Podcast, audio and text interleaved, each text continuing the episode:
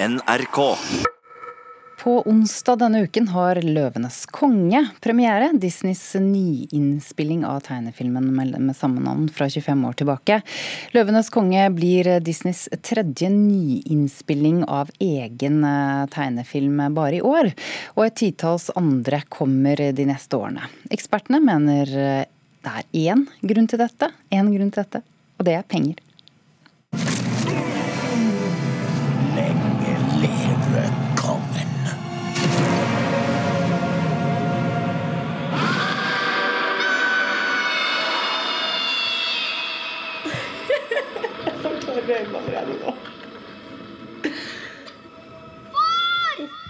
Er det tristeste i hele verden. Miriam Strandquist er kanskje 30 år gammel.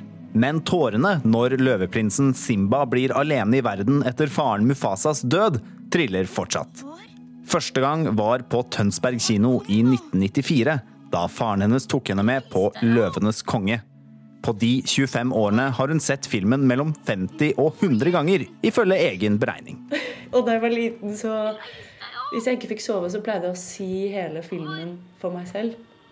Mens jeg liksom Før jeg skulle legge meg. Kan du det fortsatt? Jeg tror jeg kan Jeg tror jeg kan 90 Uff, det er skikkelig dritt. Nå har Miriam gjort klar papirlommetørklærne igjen.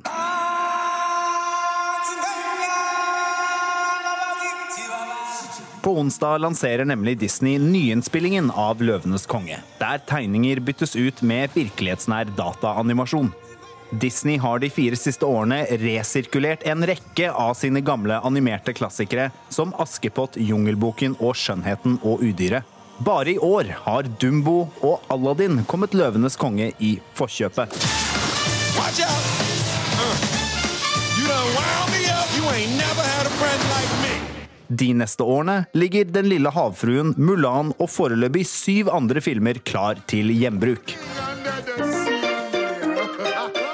For tiden gjenvinner Disney flere gamle animasjonsfilmer enn de lager nye.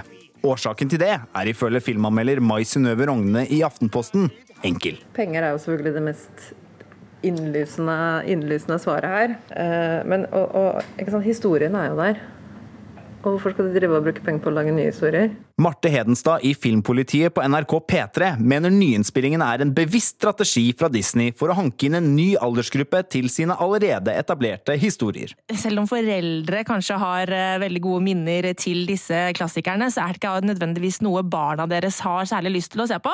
Um, Sånn at eh, dette er jo Disneys måte å rett og slett avle opp en ny generasjon med Disney-elskere, sånn at de da kan tjene nye store penger på dem etter hvert. Disney har ikke besvart NRKs henvendelser i denne saken. Mai Synnøve Rogne tror underholdningsgiganten selv har erfart at nye versjoner av gamle favoritter er en tryggere investering enn noe nytt. Noen av de storfilmene som de har lansert, hvor de har brukt et nytt originalmateriale, de har jo ikke, ikke gått bra. Og de ser vel det at øh, Og da, da kan du si at det kanskje er, at det er vår skyld også. Fordi vi foretrekker tydeligvis det som er velkjent og kjært, og som vi vet hva er. Miriam Strandquist er iallfall spent på å se 'Løvenes konge' i nye klær. Jeg tror bare det blir en helt annen opplevelse. Og så er jeg liksom forberedt på det. Jeg har lyst til å se den norske også. For det er jo Håvard Bakke som har Simba her. Men han er Skar i den nye. Så det, er- det syns jeg var interessant. At han liksom, Hva er det som har skjedd der? Det var Øystein Tronsli Drabløs og Brage Lie Jord eh, som hadde laget denne reportasjen. Og vi har eh, også tatt en prat med Håvard Bakke, som altså hadde den norske stemmen til helten Simba i den originale filmen i 1994, og som nå er skurken Skar, altså i denne nye versjonen. Vi spurte han eh, om, eh, om vi egentlig trenger noen ny versjon av denne historien. Ja, det er et godt spørsmål. Eh, Det gjenstår jo å se om vi trenger det, men eh, ut fra det jeg har sett, så ser det i hvert fall ut til å bli en spektakulær film. Og nå er det jo åpenbart noe som Disney gjør. Da nå kommer jo alle sammen, vel. Det er tydeligvis en helt ny slagplan fra Disneys side, og så, ja Hvis folk vil ha det, så er det vel eh, legitimt, da. Du spilte jo da Simba i den originale versjonen som kom i 1994. Vi kan jo høre et klipp fra det. Jeg vil så gjerne si det, men hva vil hun forstå? Av det som jeg har gjort, det går ikke. Da vil hun bare gå. Den første filmen er jo blitt en slags klassiker, eh, kan vi jo si. Hvorfor er vi så fascinert av denne historien, tror du? Ja, det er et godt spørsmål. Jeg, jeg registrerer jo at den har liksom stått seg i alle disse år. Disney har jo produsert uh, ting i hopetall både før og etter, men den har en spesiell plass hos folk. Det er litt sånn påfallende ofte det dukker opp uh, i min sfære òg. Litt overraskende ofte, faktisk. Det, det er jo den hele den derre uh, far-sønn-relasjonen og, og, det sviket og det er litt sånn, det er litt sånn Shakespearean over det hele, som jeg tror eh, traff. Ja, det er, vel, det er vel Shakespeare i den grad at det er vel uh, basert på Hamlet i grunnhistorien også? Ja, det kan man vel eh, kunne lese ut av det, ja. Mm. Eh, du nevnte det litt grann her. Du har gjort mange ulike roller. Akkurat nå så spiller du Langemann i Kaptein Sabeltann i Kjuttaviga. Men hvor ofte opplever du å bli kjent igjen som han som hadde stemmen til Simba? Ja, Det er som sagt overraskende ofte, for nå som du hører så kunne jeg ikke gjort den rollen nå. så, men det er en sånn rar ting når man har jobba mye som stemmeskuespiller som jeg har. Så plutselig kan folk ta deg på stemmen din, og det sitter man jo ikke og tenker på i et studio at det skal bli en effekt, men det har det jo blitt, da.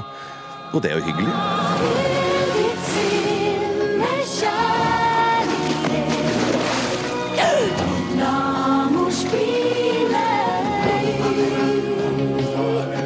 Og Som en slags sånn sirkel som nå slutter, slags, slags sirkel av liv, da, så spiller du da altså den, den onde onkel Skar i den norske dubbede versjonen av 'Løvenes konge'. Hvordan var den overgangen? Du, Det var veldig, veldig gøy. Jeg tenkte jo oi, nå kommer 'Løvenes konge', der får ikke jeg jobb lenger. Um, og så ble jeg kalt inn, um, som vi jo ofte blir, da. Hvis vi er aktuelle, så blir tre skuespillere kalt inn på en stemmeprøve til, som kandidater til disse rollene, så sendes det fremdeles til Disney sentralt i Burbank, og så avgjøres det hvem som skal faktisk gjøre det. Så når jeg ble kalt inn for å få lov til å teste som Skar, så syns jeg det var superstas. Det, det er lenge siden jeg har hatt så lyst på en dubberolle som nå. det er mange der ute som er veldig fan av den filmen som kom i 1994. Vil de bli skuffa av det nye, eller vil den kunne tilføre noe nytt, den nye filmen? Det er med dette som med alt annet som gjøres i nye versjoner, jf. det jeg gjør nå, nede i Sabeltanns verden. Det har vært folk før meg og, som har spilt Langemann, det har vært Terje Formoe har spilt Sabeltann og i sin tid for mange år siden. Noen vil alltid ha det gamle, og noen syns det er ok med utvikling. Så på en måte så er det Man kan ikke helt vinne, for noen vil alltid synes det gamle er best. men denne filmen står ikke noe tilbake sånn kvalitativt, i hvert fall. Det er ganske spektakulære greier. Man ser jo alt det man kjenner igjen fra forrige gang, bare nå i gåseøyne realistisk, i den grad man kan si det når dyra snakker sammen. Eh, helt til slutt, din favorittreplikk som Skar? Løp din vei, Simba, og kom aldri tilbake. Jeg sa skuespiller Håvard Bakke, altså. Det var Christian Ingebretsen som intervjuet. 'Løvenes konge' har premiere i Norge onsdag denne uken. Ikke alle i det norske fotomiljøet støtter det planlagte fotografihuset på tomten Sukkerbiten, som ligger ved Operaen i Oslo. Det skriver Klassekampen i dag. I år 2023, det er jo ikke så lenge til, skal dette planlagte huset stå ferdig. Og det har som mål å bli en verdensarena for fotografi. Kulturreporter Vibeke Sedekvist, hva er det denne uenigheten går ut på? Det er litt eh, forskjellige ting eh, fotografene setter spørsmålstegn ved, men flere mener det til nå har vært for lite konkret eh, informasjon om hvordan fotografihuset vil bli.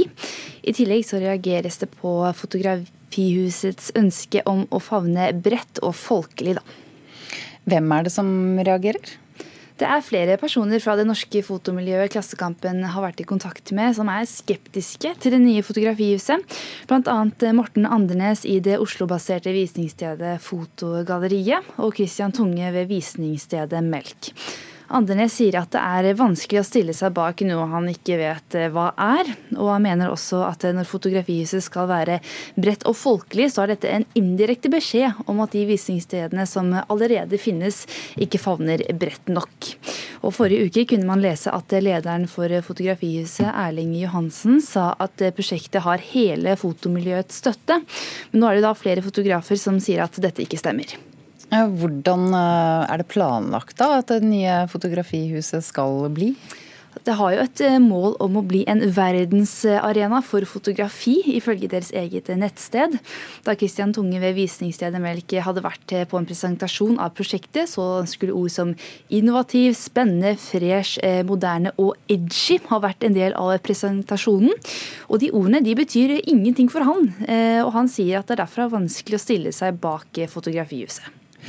Lederen da for Fotografihuset, Erling Johansen, hva sier han?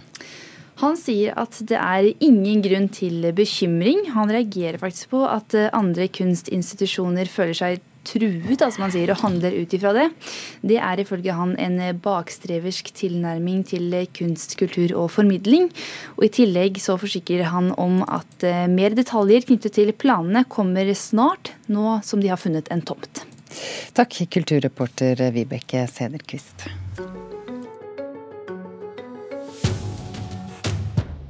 Stavernfestivalen ble arrangert denne helgen, eller fra, fra, torsdag til søndag. Festivalen hadde artister som Travis Scott, Åge Aleksandersen og Sara Larsson. Håvard Røsegg, musikkanmelder her i NRK. Hva var det musikalske høydepunktet? For meg så eh, var jeg veldig overbevist av Fay Vildhagen sin åpningskonsert. Eh, jeg syns uh, Hun debuterte jo i 2015, men har aldri blitt en virkelig stor artist. Uh, men uh, jeg syns hun klarte å gjøre det beste ut av et ganske sånn glissen slette på Stavernfestivalen. Det var jo ikke så mange som hadde klart å komme seg til denne første konserten, virka det som. altså da jeg var, ved inngangen der, så var det mange eh, litt berusede tenåringer som eh, kara seg opp eh, denne bakken. Men eh, da Fay spilte, så eh, klarte hun eh, det å Hun rett og slett tok den, det, det, det, lille publikummet og gjorde det intimt og koselig. og fikk folk til å danse og lagde veldig god stemning. Da. Hvem er egentlig da målgruppen til Stavernfestivalen? Eh, altså, Stavern eh, har jo holdt på nå i 18 år eh, allerede. Eh, men har de siste årene liksom slått seg opp som en ganske sånn ung eh, festfestival, rett og slett. Altså, det, er, eh, det er jo mange forskjellige typer artister her. Det er mye rap, det er rock, det er popartister, det er liksom eh, dansemusikk. Eh, og det de kanskje har først og fremst til felles, er at de lager fest, eh, ikke nødvendigvis at det er noe musikalsk der. Så da er det liksom 16-åringer til 25-åringer, eh, kanskje ikke de som nødvendigvis er eh, lidenskapelig opptatt av musikk, men er der først og fremst for å feste, da. Ja, virker det som ledelsen da ved Stavernfestivalen klarer å nå denne målgruppen eh, med artister de booker? Eh, ja, det vil jeg si. De har jo klart å selge ut eh, i år, i hvert fall. Eh, med 75 000 besøkende og 25 000 hver dag. Da. Så var det god stemning på hele festivalen. Og ja, skal vi si Kanskje ikke øh, de mest relevante bookingene, sånn rent musikalsk sett, men øh, jeg syns, øh, jeg syns de klarte å lage fest, om ikke annet.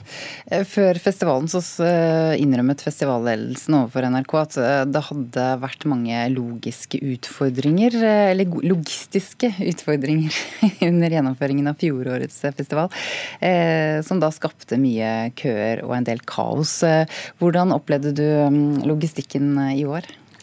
Uh, ja, problemet i fjor har jeg hørt at bl.a. var uh, at det ikke var satt opp ekstra busser, og at alle måtte ta vanlig rusbuss. Uh, det var ikke et problem i år. her var det busser på busser på busser som sto og venta. og jeg bodde jo f.eks. i Porsgrunn, som er et ganske stykke unna, men det var ingen problem å komme seg dit etter festivalslutt. Eh, så det skal de ha skryt for. Eh, noen småting eh, kunne de kanskje vært litt bedre på, som f.eks. å sette opp skilter med hvor ting er og hvor man skal gå og sånne ting, er jo det minste man kunne gjort, syns jeg, da. Jeg må også spørre om hva som var årets musikalske skuffelse. Ja, jeg syns kanskje uh, Arif uh, og Unge Ferrari sin uh, konsert, som ble solgt inn som en ganske spesiell opplevelse, der hvor de var den eneste konserten de skulle holde sammen i år, at den kanskje var et litt kjedelig pliktløp som ikke var spesielt spennende. Da. Bortsett fra at uh, da Karpe kom på scenen helt til slutt, uh, som uh, skapte kanskje festivalens største jubelbøl. Men det var ikke Arif og Unge Ferrari sin fortjeneste. Takk, Håvard Røsegg, musikkanmelder her i NRK.